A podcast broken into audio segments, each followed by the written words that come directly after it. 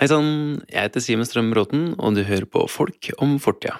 Det er podden hvor eldre folk forteller historier om stort og smått fra livet sine. Og eh, i denne episoden her er det virkelig stort og smått, altså. For uh, i dag skal du nemlig få høre fra Harald Leffertstra. Og han forteller blant annet om eh, den gangen han og en kompis haika fra Nederland, hvor Harald opprinnelig er fra, til Norge da de bare var 16 år gamle. I samme slengen så zoomer vi også litt utover eh, og ser på det større bildet om hvordan naiviteten i samfunnet på den tida, og det at man visste mindre om omverdenen, egentlig var en positiv ting. Det leder oss nedover eh, hvordan nyhetene egentlig påvirker oss i dag, og det at folk nå til dags alltid har så dårlig tid. Harald er også med i Besteforeldrenes klimaaksjon, som skal få høre mer om seinere. Og ja, det, er veldig mye forskjellig her, altså, men fytti katta som jeg koste meg. Så eh, før vi kommer dit, så må vi spole tilbake til en dag i juli, hvor jeg går rundt en hekk, forbi et svært tre, så går jeg opp mot en stor, tung, svart dør med rekkverk på begge sider, og ringer på knappen der det står Harold og Deborah. Hei, Harald. Ja, du er en presis mann. Prøver. Du ville ha en brødskive eller to? Jeg kan ta en brødskive. Ja. Og kaffe eller te? Jeg trenger litt kaffe. Ja. Jeg kommer inn på et kjøkken med lysegrønne vegger, og hvor alt av kjøkkeninnredninga er i ubehandla furu, og det føles som et veldig sånn typisk norsk hjem. På veggene henger det malerier og broderier i rammer av ulike farger, tjukkelser og størrelser. Og mens kaffen står og jobber på trakteren, så forteller Harald om utbygginga rundt omkring i nabolaget her, her han bor med kona si Deborah, som du faktisk skal få høre mer fra seinere. Og så går vi bort til et lite trebord som står inntil veggen, perfekt for to personer, med en trestol på hver side og en vase med blomster i. Og hvis du hører noe knirking på et senere tidspunkt, så er det de stolene her som er årsaken, for de har sannsynligvis levd et langt liv, dem òg. Innimellom små og store temaer så setter den fram oppskjærte brødskiver, gulost, syltetøy, rømme og små terninger med smør, og etter vi har spist litt, så starter jeg som jeg pleier, med å spørre om hvor og når han ble født. Skal nevnes, riktignok, at lyden er litt funky i starten, men det blir bedre etter et lite minutt. Ja.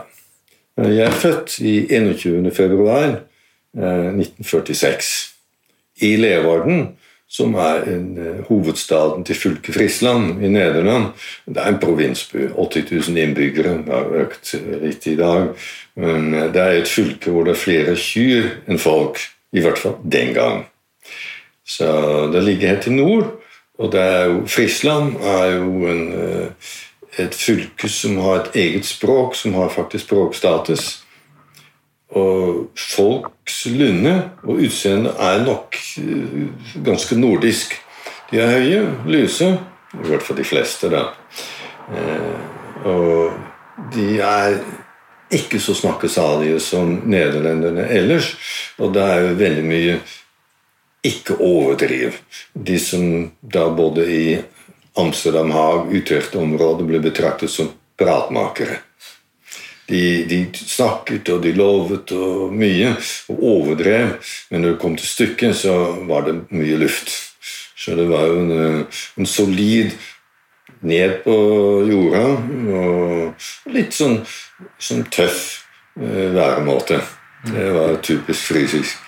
Men det, var et, eh, at det nesten føltes som det var et eget språk? Det, ja, de har et eget språkstatus.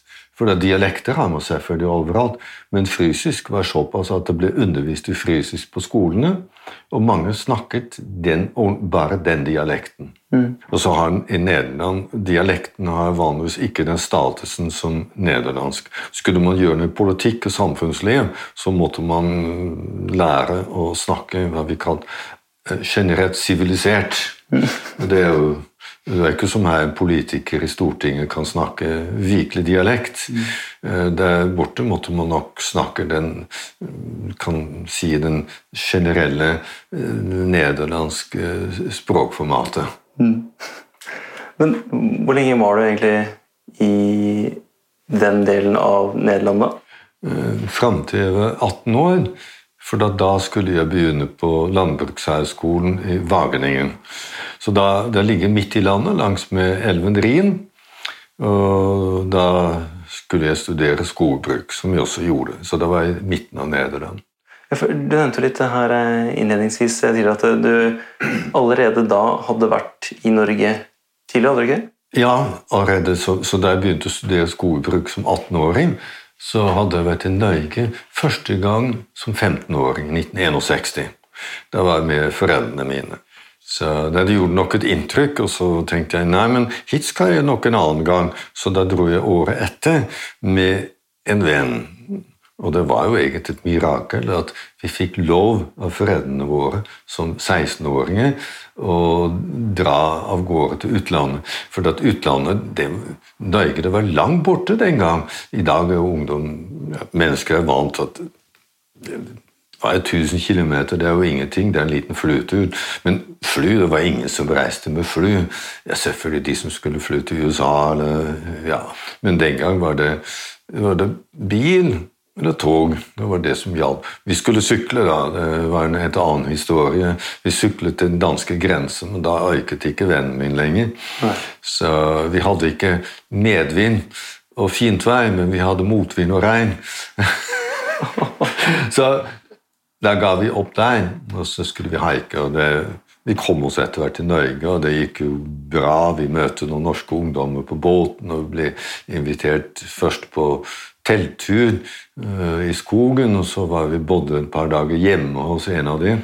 Og jeg husker litt ovenfor på vei til Hønefoss. Der er det et ganske kjent sted uh, over Tyrifjorden det var ikke mange biler som kom, så vi satt nå rolig i veikanten, og vennen min og satt og rullet røyk og røykte. Og så så vi en støvsky i det fjerne, og da måtte vi komme oss opp av grøfta for å gjøre oss klar til å stå og haike. Så haiket vi. ja, Det kunne ta et par timer, men vi kom oss nå videre, da. Og da, da var det for første gang jeg kommuniserte på norsk. Jeg hadde lært litt norsk hjemme, og det var en stor fordel. for at norsk, nei, engelskkunnskapene til eh, nordmenn var ganske begrenset den gang.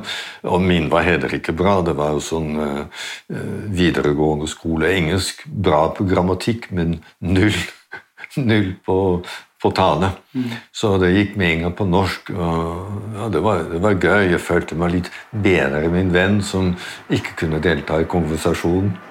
Ja, for når du, når du faktisk haiker, da er vel egentlig det, den samtalen du bidrar med. Det er vel egentlig litt ja, ja. grunnen til at de faktisk gidder å ta og plukke det opp? Ja, det er en av Enten så syns folk at de skal være snille, eller så syns de det er litt kjedelig å kjøre langt. Og det var jo, Bilradio var mye mindre vanlig den gang. Så, så, da var det Ja, men da har vi noe å snakke med. Så, så var, og det var selvfølgelig en fin anledning for meg å praktisere. Og man lærer fort på den alderen. Så det var jo veldig artig. Jeg hadde en fin, eh, en fin ferie. Jeg brukte minimalt med penger, for vi hadde så lite. Han, Vennen min han, var, han var, litt fattigere enn en, uh, vi var. Faren min var øyenlege, så vi hadde egentlig god råd hjemme. Men levde forsiktig. Det var jo den gang, Selv om man hadde god råd, så levde man forsiktig og sparsommelige. Så jeg fikk ikke noe mer enn vennen min kunne få. Så det var vel 150 hjul. Det tilsvarte den 300 kroner. hadde vi med. Nå selvfølgelig det er en annen verdi, men, men allikevel, det var jo eh, En del gikk til ferge, Og så Ellers så måtte vi leve da, av eh, de pengene vi hadde med oss. og Vi stekte oss pannekaker den ene dagen, og den andre poteter med smør. og Ikke så mye mer, Så margarin. Og pannekakene de lagde vi med, enten med melk ja. eller med egg. Og så fikk vi av og til mat hos folk når vi spurte om vi kunne ligge på låven. Så ble vi tilbud ofte eh, om å komme inn og få kaffe og noen brødblingser og, og igjen og sitte og snakke med folk. Mm. Det, det, er veldig fint. Da, for altså, jeg tenker Når du er da 16 år, ja. eh, og du er i et fremmed land, men ja. du kan litt av språket ja. Det er jo en veldig god måte å lære mer om nye kulturer på? Oh, helt klart. Jeg var så nysgjerrig hvordan tingene var. Hvordan det var vintersti. Og, og, de var jo glad i å legge ut hvordan det var. Og, ja, så det var for oss veldig romantisk Komme fra et land hvor jeg allerede sagt det er så mye forbudsskilt, og gjerne for dette må være, være, sånn, og så kommer til et så tynnbefolket land hvor man kunne stort sett gjøre som man ville. Det var jo også en helt sånn, sånn frihetsfølelse som var enorm. Ja, for eh, sånn som det er nå til dags, så vil jeg tro at folk er litt mer skeptiske til haiking. Ja. Men um, av de erfaringene du har, fra, det du, som du husker tilbake fra da haikinga di som 16-åring uh, Det er vel noe du kanskje ville anbefalt videre til, eh, til andre? Det er, for det virker som du har gode minner fra den Absolutt. absolutt. Så, så det kommer an på Jeg vet ikke hvordan haikingen er i dag, om den blir tatt opp.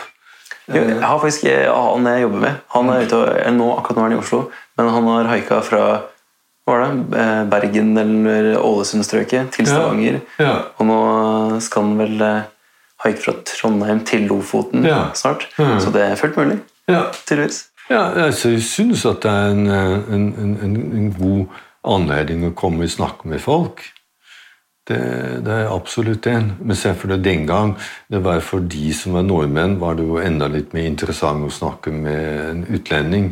For at man, man så veldig klart at man var da et land som lå langt bort fra kontinentet, som de kalte det. Spesielt i Nord-Norge. Da var det kontinentet, for det var jo kjempelangt nedover.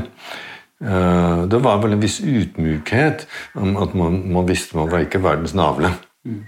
Og ja, så Ja, for Hvordan opplevde du egentlig nordmenn på den tida da? For eh, For meg var de, de var vennlige og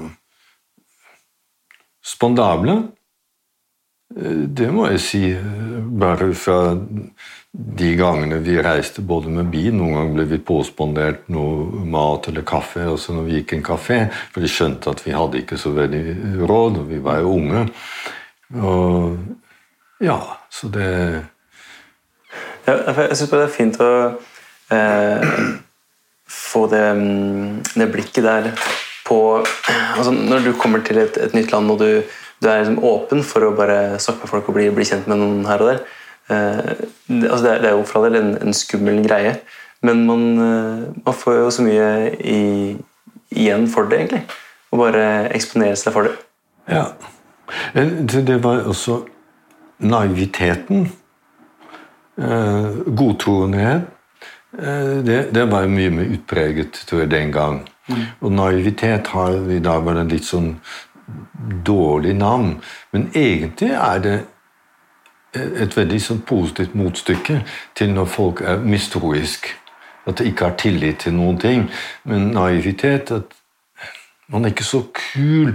eh, Man ser ikke overalt at man er kynisk, det motsatte av kynisk. Så det hadde nok en fordel. Jeg tenkte bare sånn episode at det var jo to år seinere, når jeg haiket. Uh, haiket sammen med min bror, men vi måtte skille lag. Fordi at det var bare plass til én i bilen.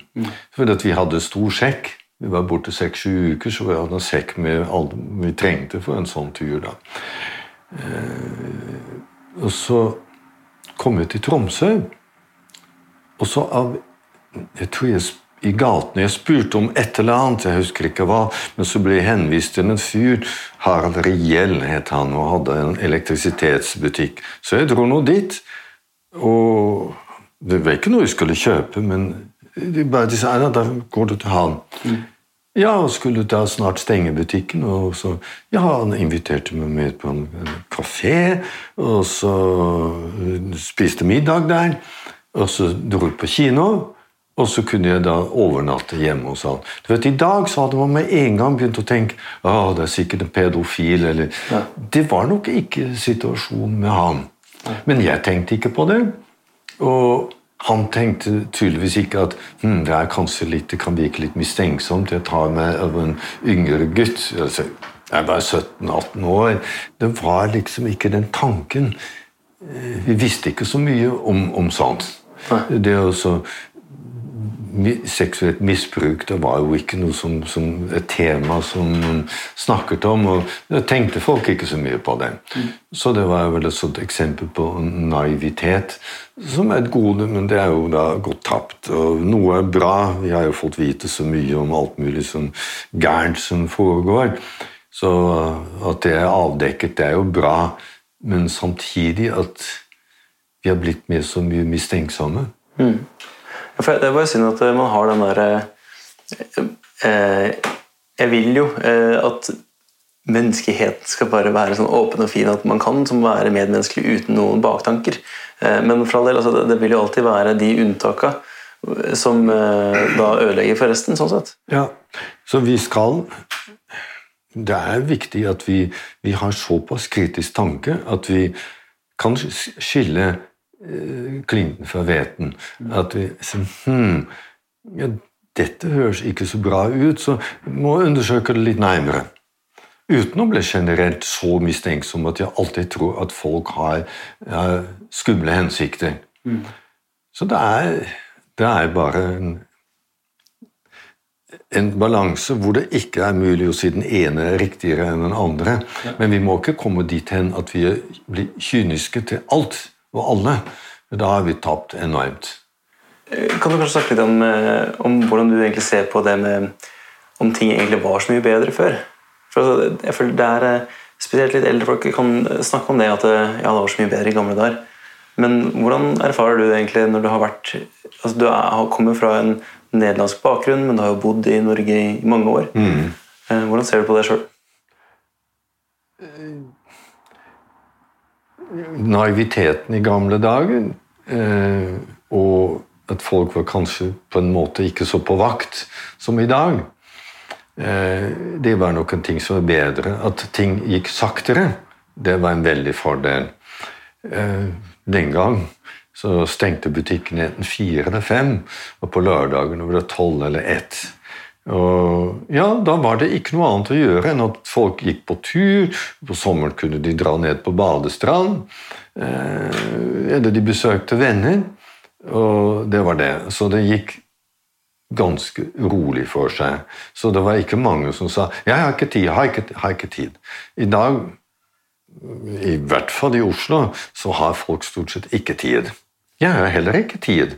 Eh, og det tror jeg ikke bare fordi folk arbeider så mye mer. Vi arbeider nok mer, ikke offisielt, for arbeidstiden har blitt den samme, men vi jobber litt mer på andre tider. Folk drar med seg jobb hjem. Og så er det selvfølgelig den tiden vi bruker på media. Det blir fort en par timer. Og nå er ikke bare sosiale medier, men bare å lese avisene. Vi bruker en god del tid å lese aviser. Eh, både innenlandske og utenlandske. Så bare det tar fort en to-tre timer. Og så min kone er glad i å se på alle slags fjernsynsserier. Det, nå får man det eh, overalt på, på, laptop og kan se når som helst. og alt. Så det ble fort at det stjeler tid. Så det er en ting som sløser nok mer tid på, på egentlig intetsigende underholdning. Som er gøy i øyeblikket, og veldig mye er veldig bra laget. Men kan man etterpå erindre hva gjorde jeg spesielt den dagen i den tiden. Mm. Det er et tidtrøyte. Det er underholdning som jeg ikke lært spesielt mye av, eller som jeg da seinere husker som en av de mer viktige øyeblikk i mitt liv. Så, så det, dette med tid, det, det, var nok en ting som var bedre før. For hvordan hvordan følte du egentlig at underholdningen underholdninga sånn sett eh, var eh, ja, Si da, da du var i vet ikke, 20 år eller noe sånt. Da, da er vi på 66 Ja, 60-tallet. Nei, det var jo Man kunne dra på festen, og selvfølgelig det var det kino. Og da måtte man ta til takke de som kom. På bygdene var det jo veldig lite. I Oslo var det nok en del eh, kinoer. Og man hadde da etter hvert fått TV med stort sett å være ett program, NRK1. Så begynte vel i sekstiden med barne-TV, og så etter hvert nyheter og Ja, så det var mindre underholdning. Men jeg leste nok mye mer den gang. Mm. Bøker. Og som student leste jeg veldig mye ved siden av fag. Så øh, jeg lånte stadig bøker av biblioteket. Og, uh, ja, så det, det var mer av det. Det var det, lavere tempo. Det var jo et gode. Det man, var, man var mer provinsiell, man var mer naiv. Man visste mindre om verden. Samtidig jeg følte at, jeg mener ikke å avbryte, men jeg følte at det, at man visste mer, om verden Eller at man, man visste mindre om verden, følte du at det var en positiv ting, egentlig? Det kunne fordi at hvis det var en nyhet lokalt, et eller annet som skjedde som hadde betydning for lokalsamfunn, så tok hun det med innover seg. Informasjon var ikke bare underholdning, men det var også noe Ok, så det er et eller annet man fikk vite om. Ja, men da må jeg gjøre noe. Eh, hvis du, hvis du ser at huset til naboen står i brann, så er det noe jeg kan gjøre noe med eller noe annet som skjer i min bygd. Men hvis jeg får vite, som i dag, at det er en togkollisjon i India og 200 omkommet, eller en bro har kollapset der og der, så kan vi bare sitte Er det ikke fælt? Er det ikke fælt? Men kommer jeg til å gjøre noe for lange bedre sikkerhet for broene i India? Nei. Det, ble, det går inn her, ut der. Så det kan gjøre at en ikke lenger har den reaksjonen Informasjon, tenkning, aksjon. Det er derfor vi får informasjon. Det er det som funksjoner. Du kikker rundt. Eh, er det noe bytte å hente noe sted? Eller er det noen som kommer etter meg? Så da bedre så går jeg til aksjon. Nå er det stort sett folk sitter i sin godstol, og nyhetene kommer strømmende på. Og så etterpå, som ble spurt Ja, var det noe nytt? Ja, ja, det vanlige. Ja. Og det er ikke noe mer å forholde seg til. For det ble også altfor mye. Mm. Så det ble en overkill av informasjon. Ja, for akkurat det med å overlate til hver enkelt at man må ha et innebygd filter som skal klare å bare kverne ut sånn Ok, her har du alt det du Her har du både de tabloide-greiene, sånn, de kjendis, ja. kjendisnytt som du ikke mm. egentlig trenger å vite. Mm. Det gir deg ingenting i det lange løp. Og så har du kanskje informasjon som du burde vite, men som trenger kanskje litt mer kontekst for å faktisk forstå. Du trenger noe mm. mer informasjon. Eh, og klare som, å filtrere alt det her og tilføye der hvor det trengs. Eh, jeg føler media sånn sett krever ganske mye av hver person som mottar det. Ja. Eh, og resultatet blir egentlig at du bare får altså, Det er et, et sånt kommunikasjons eller metode for å forklare et budskap som jeg syns er veldig passende. fordi um, Istedenfor å på en måte fortelle et budskap tydelig, hvor du kanskje har én ball mm. kaster, Hvis jeg kaster én ball til deg, så er det lett å fange den. Mm. Det, det, klarer du fint. Men hvis jeg kaster ti baller mot deg, da er det umulig. Kanskje du klarer, kanskje klarer å fange én, kanskje to, mm. men sannsynligheten er at du ikke klarer å fange noen. Mm. Og Det er litt samme greia hvor du egentlig har med nyheter, hvor det er så mye som kommer mot deg, ja. at du klarer ikke egentlig å filtrere eller som du sa, altså skille Clinton fra hveten. Ja. Og så kan bli så overveldet at jeg sier nei, stopp, jeg vil ikke vite noe mer. Eh, trekk ned gardinen, og så, så, får jeg bare kose meg så lenge jeg kan. Og det er jo spesielt nå Jeg har jo arbeidet mye med miljø. Jeg ser ned på miljøfronten er det jo mye. Eh, på andre fronter også, men dette er et felt som ja, Folk kan reagere, men de kan også til slutt motta så mye elendighet at de sier nei, det er ikke noe jeg kan gjøre. Um, Istedenfor å få en begrenset mengde informasjon, så ok, nå vet jeg nok, jeg kommer til å gjøre det. Jeg skriver under på en, en underskriftskampanje, jeg blir medlem av en miljøorganisasjon. Jeg skal huske dette i valget, at det partiet det vil ikke så mye av det. Og i lokalvalg og ja, men de der vil gjøre en utbygging der og nedbygge et naturområde. Da skal jeg i hvert fall ikke stemme på den og delta aktivt der. Det kan være en lokal debatt. Eh, og følge godt med ellers da hvis det er nasjonalvalg. Det krever noe. Men i hvert fall at jeg syns at det har nytte, og ikke begynne Ja, ja, vi er bare 0,1% av verdensbefolkningen. Kineserne, det er det som teller. Det spiller ingen rolle hva vi gjør. De andre, de er så store. Eh, så det er vi, vi, får bare, vi, får bare, seile med strømmen. Eh, det er, det er, den faren man får ved å få vite for mye. Mm. Så eh, jeg tror det er viktig at på skolene at man lærer eh, hvordan skaffe seg informasjon, og hva funksjonen av informasjon er, og hvordan vi kan bruke det. Mm. Og ha en sunn skepsis til det som står der, men ikke så skeptisk at man tror at alt er bare løgn. For nå, det ser vi også nå, at alt er bare løgn. Da kommer vi heller ingen, ingen vei. Vi snakket litt om det med forskjellig holdning til kvinnelige sjåfører tidligere. At noen menn ble Når de bare så Nå snakker vi om 50-60-tallet ble veldig irritert når de så en kvinne, kvinnelig bilist. Så måtte de kjøre forbi og så bremse ned og gjøre alt mulig. For de var så sinte på det. De hadde ikke noe plass der. Så da ble det også veldig sånn selektiv observasjon. Hvis de ser en bilist som gjør noe dumt, ja, er ikke det typisk kvinnfolk? Mens hvis det ikke var en kvinne, så ble det glemt. seg, det var en dum bilist. Det var en selektiv eh, observasjon. Så det er veldig mye vi skulle lære på skolen om hvordan vi takler fakta, hvordan vi plukker ut informasjon, hvordan sjekker vi sannhetsgehalten. Eh, det tror jeg er veldig viktig at vi, vi skulle lære. Mm. Det kan godt hende de lærer allerede noe på skolen.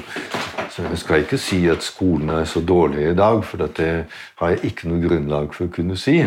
Eh, jeg tror at eh, mange lærer, lærer veldig mye bra på skolene i dag.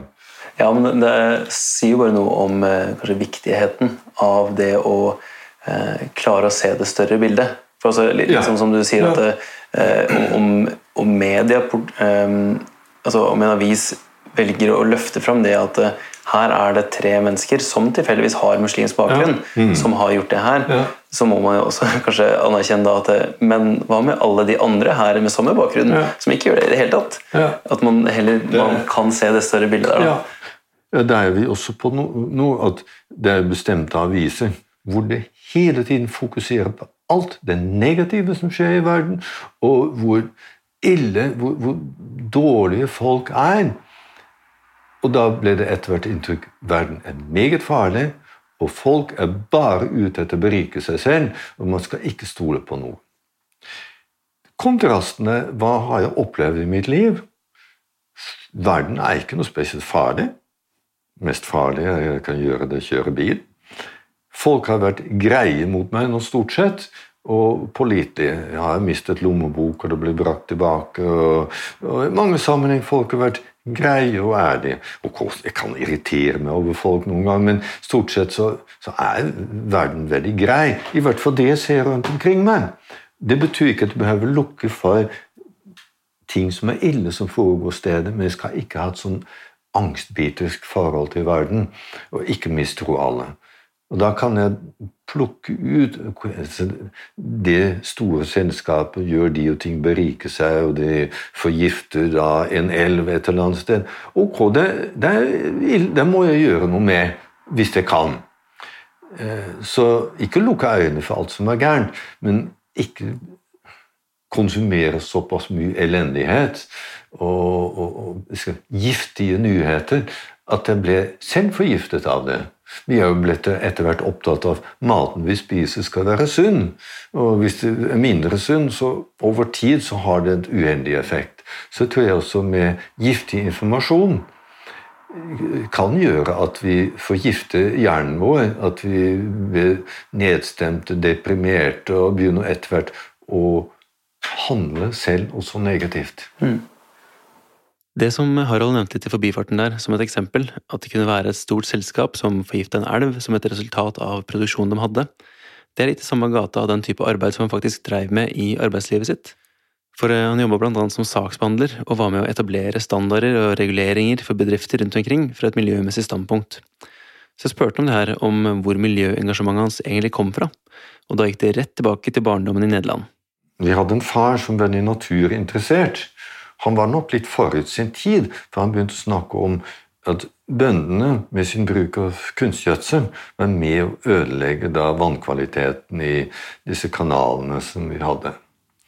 Og Folk tenkte ikke på det den gang, at det kunne ha noe sammenheng.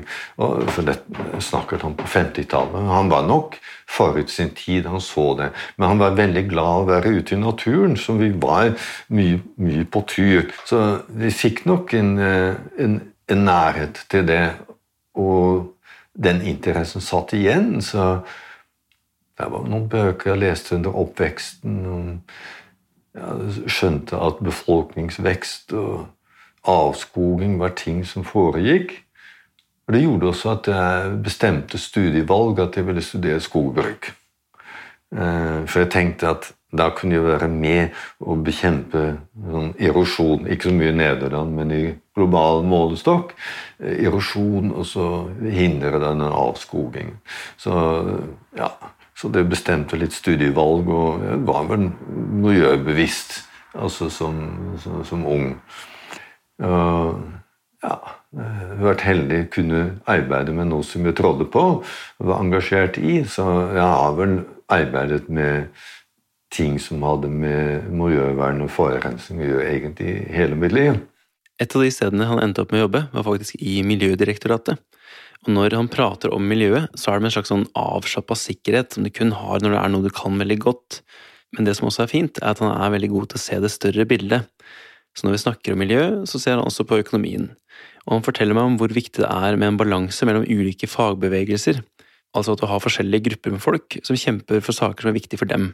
Om det så er relatert til helse, til lønninger eller til en miljøbevisst måte å lage ting på. For næringslivet vil jo så klart maksimere sin profitt, altså alle arbeidsplasser vil tjene mest mulig på det arbeidet de gjør. Samtidig så er det jo viktig at miljøorganisasjoner forteller om de konsekvensene som de billigste løsningene kan ha på den større helheten. For hvis du ser på en hvilken som helst produksjon, så er det alltid en billigere måte å gjøre noe på. Men det vil ofte føre til at man må bruke materialer som er vanskelig å bryte ned eller bruke på nytt, eller at det er noe som må transporteres over lengre avstander. Så når det da er avgjørelser som skal tas på vegne av alle oss som bor i Norge, f.eks. når det kommer til Norges kollektive pengesekk, og du ser på statsbudsjettet og hvor mye penger som skal brukes i ulike deler av samfunnet, da er det viktig at det er andre verdier som vurderes, og ikke bare kroner og øre. Og det kan være rent med etikk. Eh, det kan også være at man kan prissette noe naturen. Miljømessige skadevirkninger. Det det har vi lært å sette en, en, bestemt prislapp på. Og det skjønner Finansdepartementet. Ok, hvis vi, hvis vi får så mye med helseskader på folk, så, så, koster det noen. Eller vanskeligere selvfølgelig når en del arter går tapt. Ja, hvor mye betyr nå egentlig det? Eh, hvis vi kan regne ut at ja, hvis de biene ble borte, så ble det ble det mindre pollinering, og så ble det mindre landbruksproduksjon. Så da kan man beregne det. Men ellers så ble det også hvilken verdi har en planteart eller en dyreart i seg selv. Eh, det tror jeg blir veldig vanskelig å sette en pengelapp på. Mm. Det, det, ble jo litt det samme. Vi har jo i Miljødirektoratet arbeider med prissetting over et menneskeliv. Hva er nå egentlig verdien på et menneskeliv? Det er jo forskjellige tilnærminger. Eh, hvor mye verdiskapning i sitt yrkeskarriere eller Det finnes forskjellige måter. Men vi ser at svakheten er det etiske kommer ikke med i dette bildet. Og det er jo tror jeg, viktig at vi innser begrensningen. Mm. At eh, ja, Hvilken verdi har et menneskeliv?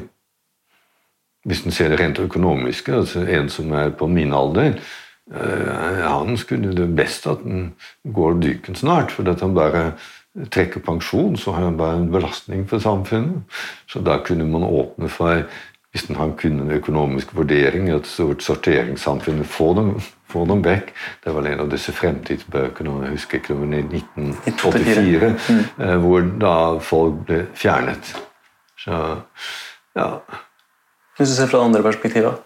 Fra det mer etiske perspektivet? Fra det etiske perspektivet så hva, hva er det hele tatt betydningen av vi eksisterer som sivilisasjon? hvor kommer økonomien inn i bildet? Altså, meningen med livet Når det kommer til stykket, så er det ikke økonomien. Ok, det er jo fint å ha god nok økonomi, slik at vi ikke sulter i hjel eller, eller sånn, har et veldig vondt og vanskelig liv. Men ellers at vi er til ja, Det vet jeg ikke. Jeg var religiøs og tror man at ja, vi er satt her av en høyere makt enn Gud, og da må vi ære hans eller hennes avgjørelse eller skapelse. Så det kan være en, en, en måte å se det på. Mm. Hvordan eh, altså, Ikke at jeg skal på spørre bare direkte om meninga med livet her, men bare hvis du ser på eh, måten eh, altså Jeg liker å se på mening i hverdagen. At, mm. hva, hva, er det som gir deg mening i din hverdag? på en måte? Mm. Og Kan du snakke litt om hvordan det kanskje har endra seg for deg når, vi, når, du ser tilbake? For altså, jeg kan se for meg at Det som gir deg mening i din hverdag nå, det vil jo ikke være det samme som kanskje da du var Nei. 20. Nei. Men uh, hvis du ser tilbake, uh, hvis vi starter for eksempel, ja, i 20-åra et sted, uh, hva, hva, tror du ga Hva var det som gjorde, utgjorde meninga i din hverdag der da? Jeg tror det var nok mye det å lykkes på en eller annen måte. Ikke nødvendigvis bli rik, jeg har aldri hatt drømmen om å bli rik, men å gjøre det bra nok i jobb Eh, slik at jeg hadde nok inntekt. Men det, det regnet vi alltid med selvfølge, for man bekymret seg ikke så mye om det før. Hadde man jobb, så hadde man nok inntekt. Eh, men jeg ble respektert på jobb, gjør det bra. Han hadde vel alltid sånne ideer at å, nå har vi en god sak, og så kanskje vi kunne få litt eh, oppmerksomhet rundt den. Og, og, og, ja, det var så, ble, ble, litt kjent, og så vi ble lyttet til. Så her hadde vi virkelig en godbit. Det er klart at det betydde noe. Det betydde nok mer den gang enn nå. Jeg tror den gang lå det også bak at det vet jeg ikke hvor mye andre, men kommer jeg til å greie meg i livet? Er jeg god nok? Det betyr mye mindre i dag, for jeg tenkte jeg sitter nok ut tiden min. Og vi har jo fått mye med åpenhet om folk, hvordan folk egentlig er under overflaten. Og det er ikke bare på ondt om, men vår usikkerhet og at vi er slett ikke alt så kule, og folk kan ha rare tanker og sånn. Det er blitt mye med åpenhet rundt. Så, så det, det, har blitt mye med frihet. Og så Jeg behøver ikke bekymre meg sånn økonomisk. og jeg behøver heller ikke å tenke ja, karrieremessig, hvordan vil det gå i jobben min? og Komme til å sakke akterut. Egentlig er jeg ikke så flink.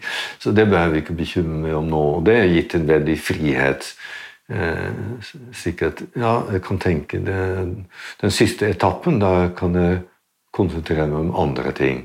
Det er både å nyte livet og så bidra med noe av det som jeg har lært og det gir meg også en, en, en, livet verdt å leve. Det er klart at når vi møter disse bestefedrenes klimaaksjoner og er tidligere aktive andre miljøorganisasjoner Det er ikke bare å arbeide for noen gode saker, det er også en sosial sammenheng. Jeg møter andre, og vi føler noe felles. Og vi arbeider for det. Vi, vi går på fest, vi, har, vi går på sommerleir. Det er ting som ja, som, som, gjør livet verdt å leve. Mm. Så jeg må si at denne aktiviteten å delta i organisasjoner Det gjelder sikkert andre organisasjoner også. Det er ikke bare at man gir, man ofrer noe, men det gir også en mening med tilværelsen. Det gir sosial tilhørighet. Man er med i noe istedenfor isolert. Ja, for nettopp det med den uh, tilhørigheten der, det at du, du, har Du hører til en gjeng, da. Ja. Du, du har, ja. altså, mm. Mennesker er jo veldig sånn flokkdyr, egentlig. Absolutt. Vi er skapt, eller utviklet oss som en gruppe. Vi lever i grupper, det er jo grunnen til vår store suksess. At vi, har, vi som egentlig som individer vi er jo svake og skrøpelige. Vi løper ikke fort, vi svømmer ikke bra. Er, vi er ikke spesielt steike. Så ennå har vi greid å dominere verden. Først skaffe oss en bra tilværelse, og så etter hvert dominere så mye at vår suksess er også mye undergraver oss. Men det er en annen ting. Men det at vi er en gruppe, at vi føler noe bra ved det og det er jo våre instinkter, våre drifter. Det er å være en del av en gruppe. Mm. Ikke det for det. Jeg liker også å være en del aleine og tenke over ting og som ikke behøver forholde meg. Men hvis det blir for lenge, da begynner det å bli litt sånn Ja. Da liker jeg å snakke med noe og så gjøre et eller annet som gjør sammen med andre. Så det tror jeg er viktig. Mm. Vi hører noen gang at å ja, du telte i en klimaaksjon. Har du bil? Ja. Hva faen? Og så, og skal du komme her og så fortelle andre at, de, at klimaaksjon, og så har, enda har du bil, fossilbil. Det går ikke. Men jeg tror det er litt viktig at du behøver ikke være prikkfritt, perfekt, før du kan være med i en miljøorganisasjon. Fordi at hvis du gjør det, så nesten ingen kan være med. Ja, du skal ikke fly.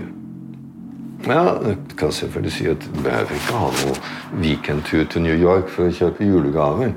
Det er alle enige det er ganske meningsløst.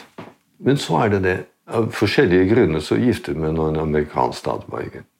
Så blir det at av og til så er det ting Besøker da, man begraves eller besøke svigermor. Altså, det er ikke så lett å unngå.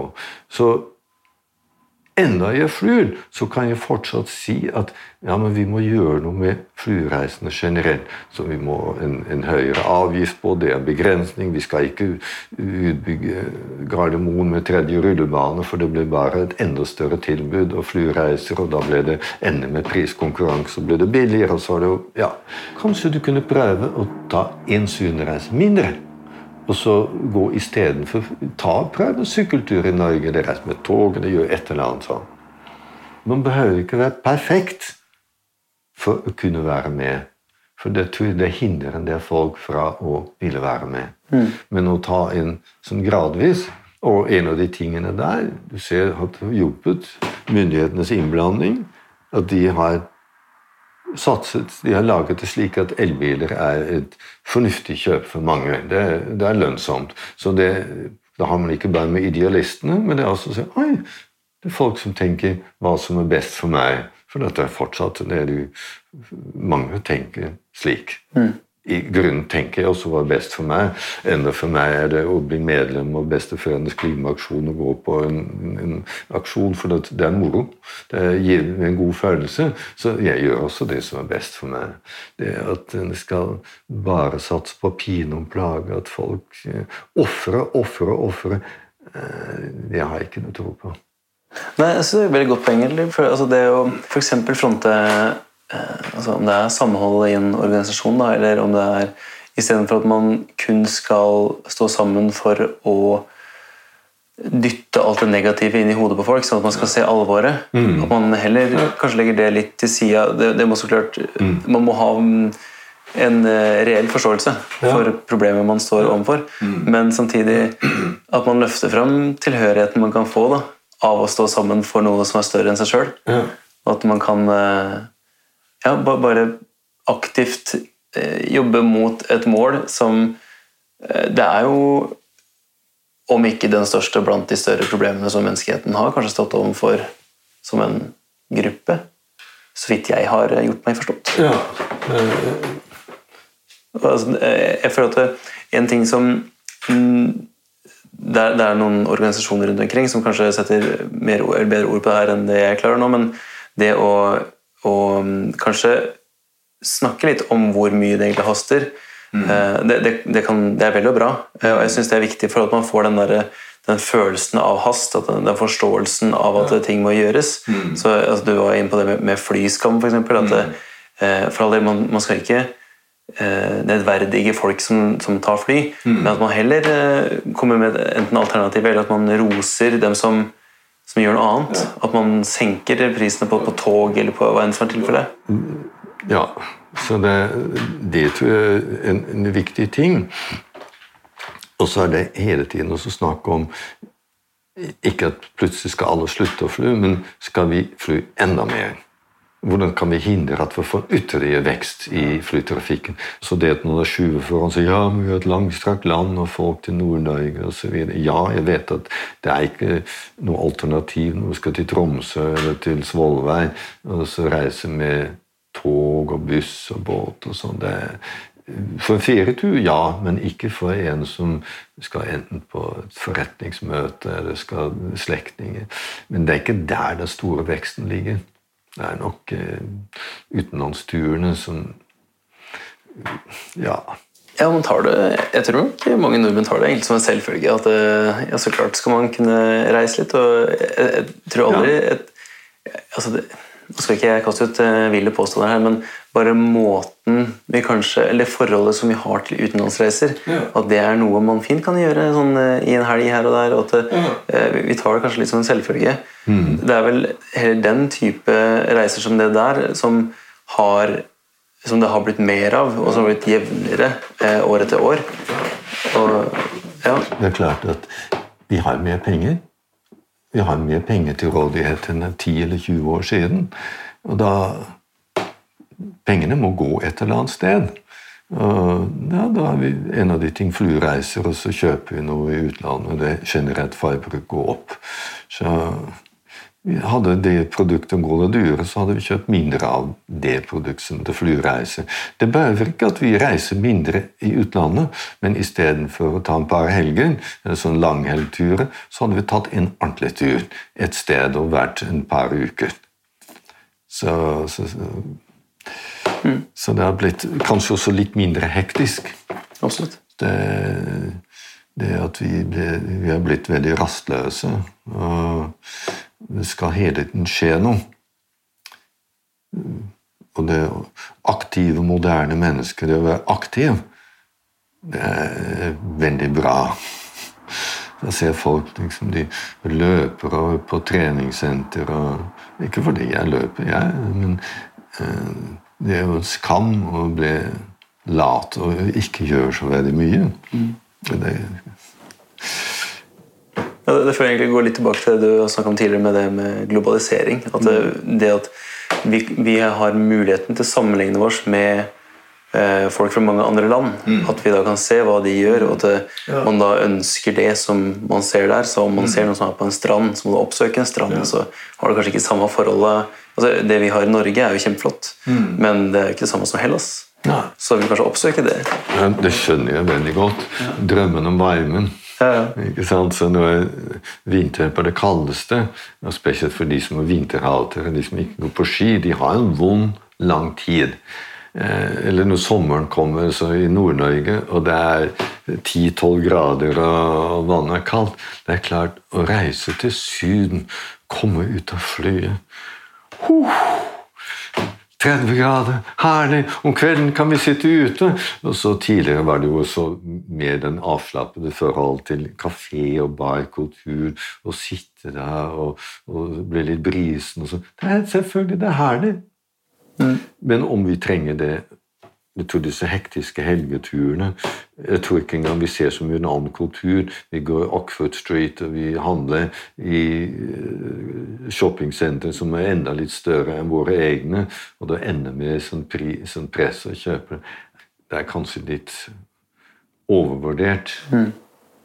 Ja, sånn sett så har jeg egentlig mye mer til overs for den måten som du utforska i andre kulturer da du var yngre, med det å, haike og få kontakt med altså privatfolka. Og de, Det var nok Vi hadde tid.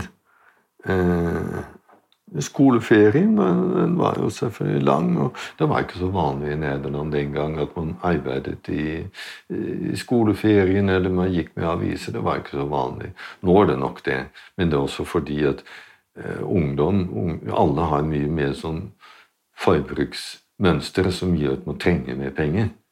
Vi hadde, det var ikke så mye for kjøpt. Mat.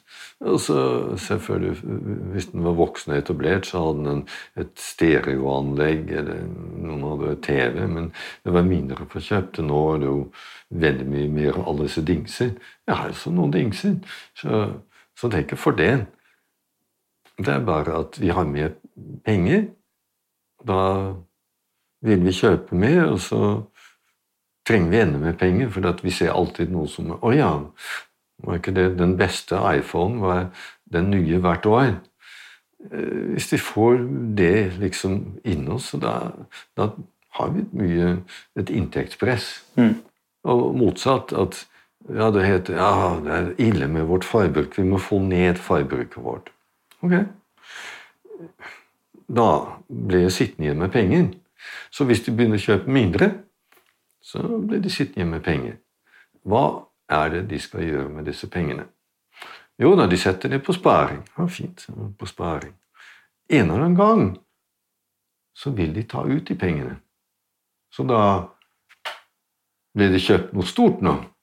Eller hvis de dør, så går det til eivingene, som har kanskje litt annet forhold. Herlig, nå har vi fått ei for den eller tanten eller foreldrene mine.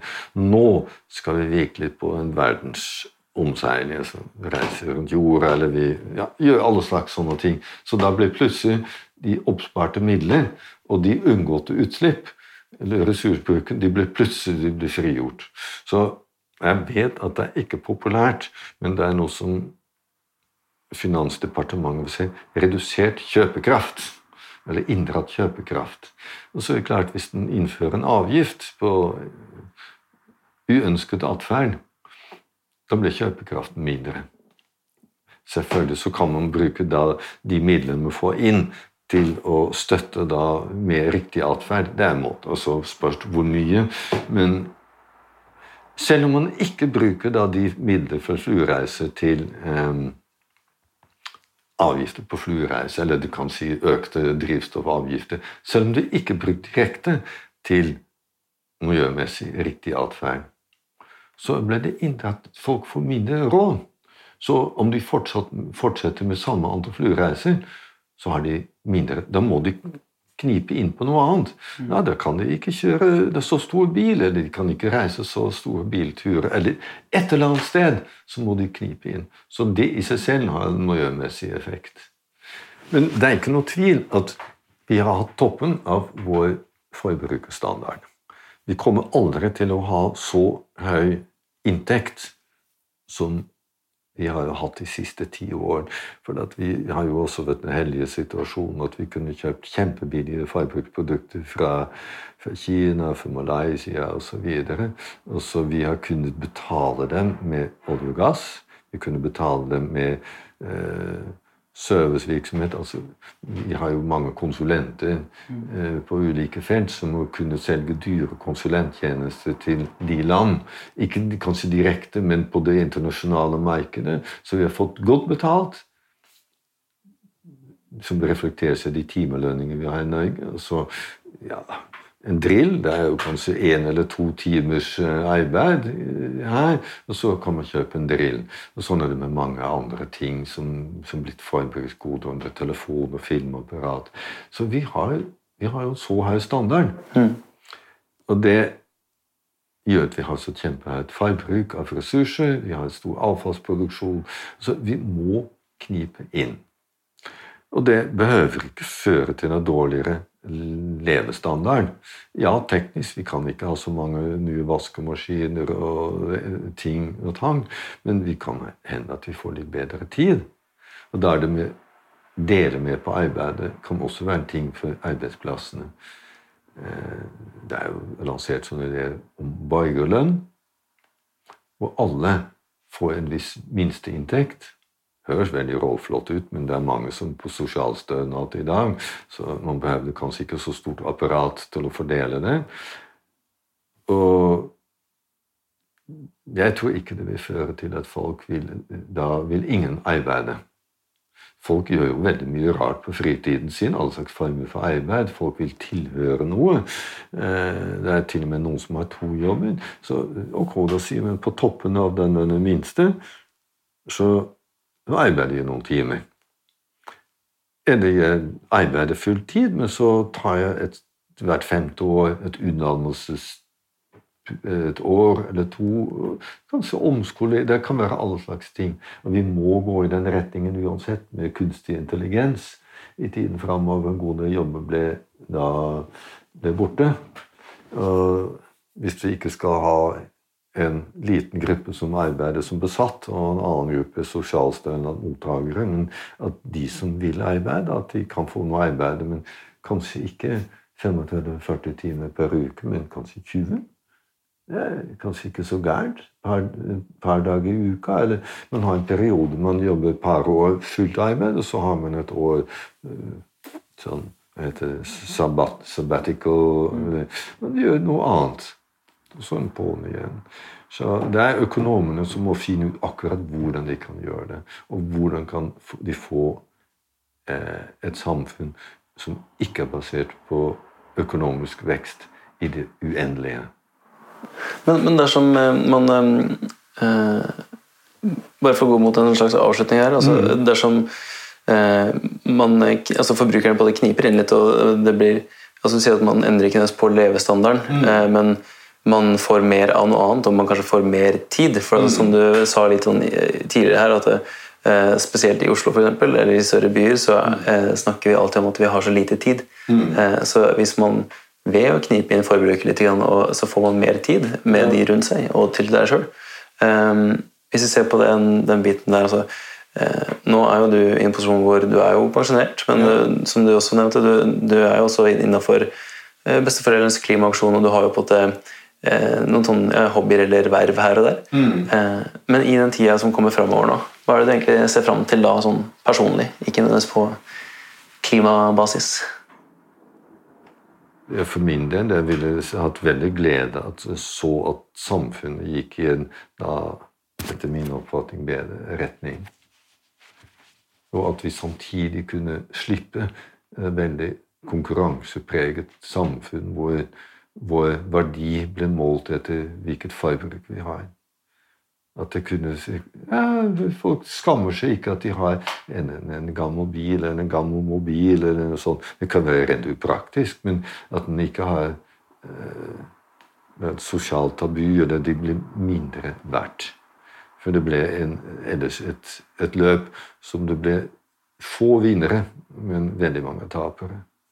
Jeg har en slags innebygget optimisme. Hvor den nå kommer fra, det vet ikke jeg. Det er vel kanskje noen vokst opp, og trygghet og andre ting som gir kanskje en uberettiget følelse. Ting vil ordne seg, men vi kan ikke bare vente på at det skjer av seg selv. Vi må henge i, og det, det nytter. Mm, absolutt. Ja. Jeg tror det er kanskje den beste måten vi kan eh, runde det her på. Jeg setter veldig pris på at du tar deg tida. Ja. Og sist, men ikke minst, vil jeg bare takke deg for at du hørte på. Folk om fortida er en podkast fra Hyggelaget, laga av meg, Simen Strøm-Bråten, og lyden er miksa av Krisander Rønneseth. Neste episode kommer om to uker, og enn så lenge får du bare ha en flott dag videre.